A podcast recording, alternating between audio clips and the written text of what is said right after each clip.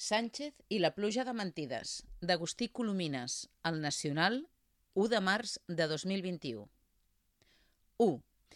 Dimecres de pirotècnia.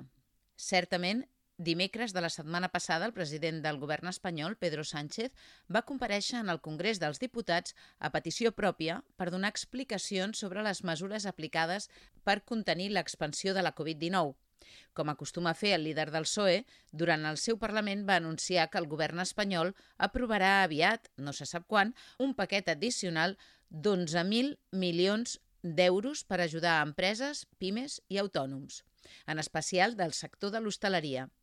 Diu el govern que ho fa perquè no només volem salvar empreses i llocs de treball, sinó reforçar-los i crear-ne més. Sánchez anuncia una pluja de milions ficticis, sense explicar d'on els traurà i com els repartirà. Inclús els mitjans de comunicació pròxims als socialistes l'endemà de l'anunci s'emmalfiaven i estiraven les orelles a Sánchez. Les pimes rebran una cinquena part de l'ajuda que necessiten, llegíem a El Periódico. I el govern anuncia 11.000 milions d'ajudes sense explicar-les, llegíem al País. Mals auguris, doncs. 2. Entretant, divendres passat el Departament de Treball, Afers Socials i Famílies de la Generalitat va anunciar que havia rebut 151.166 sol·licituds per accedir a l'ajut econòmic destinat a persones amb baixos ingressos afectades per un expedient de regulació temporal d'ocupació, ERTO, o bé que tinguin un contracte fix discontinu. Un munt de gent que, en cas de rebre l'ajuda, tan sols percebria uns 600 euros per cap.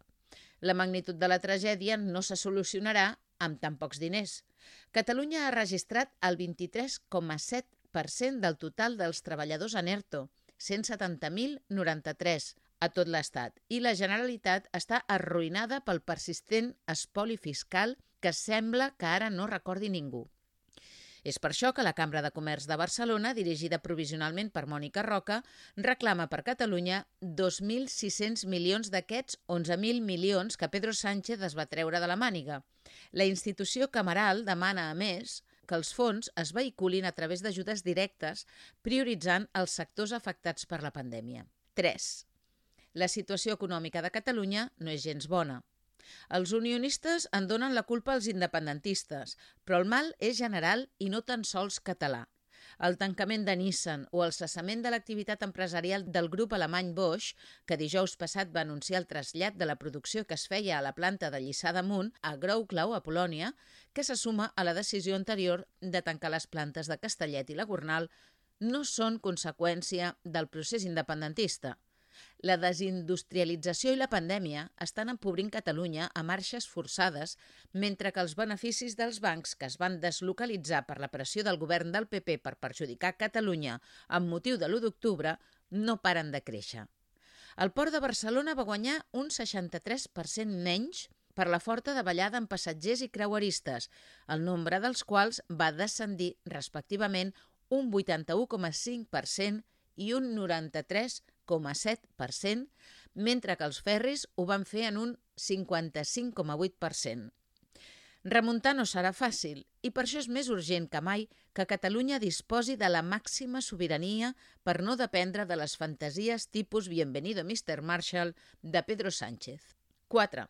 L'unionisme i els partits del règim del 78 estan molt preocupats pels aldarulls juvenils que no cessen a les principals ciutats de Catalunya. És evident que cremar una furgoneta de la Guàrdia Urbana o trencar els vidres de les oficines bancàries no és cap solució. Però tapiar les oficines de la Caixa com si estiguéssim en guerra abona un alarmisme innecessari i exagerat. No n'hi ha per tant. A més, el 2020, CaixaBank va superar les previsions que havia fet sobre l'impacte de la Covid-19 i va obtenir un benefici de 1.381 milions d'euros. Amb tants diners es poden pagar quatre vidres esbarlats i crear molts llocs de treball. El que ja és més difícil de solucionar és una altra dada que afecta directament als joves – també va ser divendres passat quan l'Institut Nacional d'Estadística va fer públic que la taxa d'atur mitjana durant el 2020 entre els menors de 25 anys havia sigut del 33,97%, una taxa que no assolia des del 2016 i que representa un increment notable de 7 punts en comparació amb el 26,16 de finals del 2019. En canvi, en el mateix període, l'atur general només va créixer 1,6 punts, passant de l'11,03% al 12,63%. Els joves no tenen futur i ja no estan per més romansos. Vostès per què creuen que les estudiants de l'Institut del Teatre denuncien precisament ara els abusos de poder i els assetjaments sexuals? Quan no tens futur, pots assumir els riscos de la repressió o de la indiferència. 5. Davant una conjuntura com aquesta, els partits independentistes haurien d'accelerar la negociació per arribar a un acord i formar govern aviat. Per sentit de responsabilitat, però també per enfortir la credibilitat de la idea que una Catalunya independent podria encarar millor la gestió del benestar social. Una Catalunya amb estat propi tindria una posició fiscal significativament més bona que en l'actualitat. Això fins i tot ho saben els unionistes més intel·ligents. Una altra cosa és que no ho vulguin reconèixer públicament. Però la independència no s'assolirà perquè uns quants unionistes caiguin del cavall, sinó quan els independentistes sàpiguen liderar el malestar subjacent d'una societat maltractada des de fa anys i que no disposa dels instruments polítics adequats per fer-hi front. Però cal evitar fer-se trampes.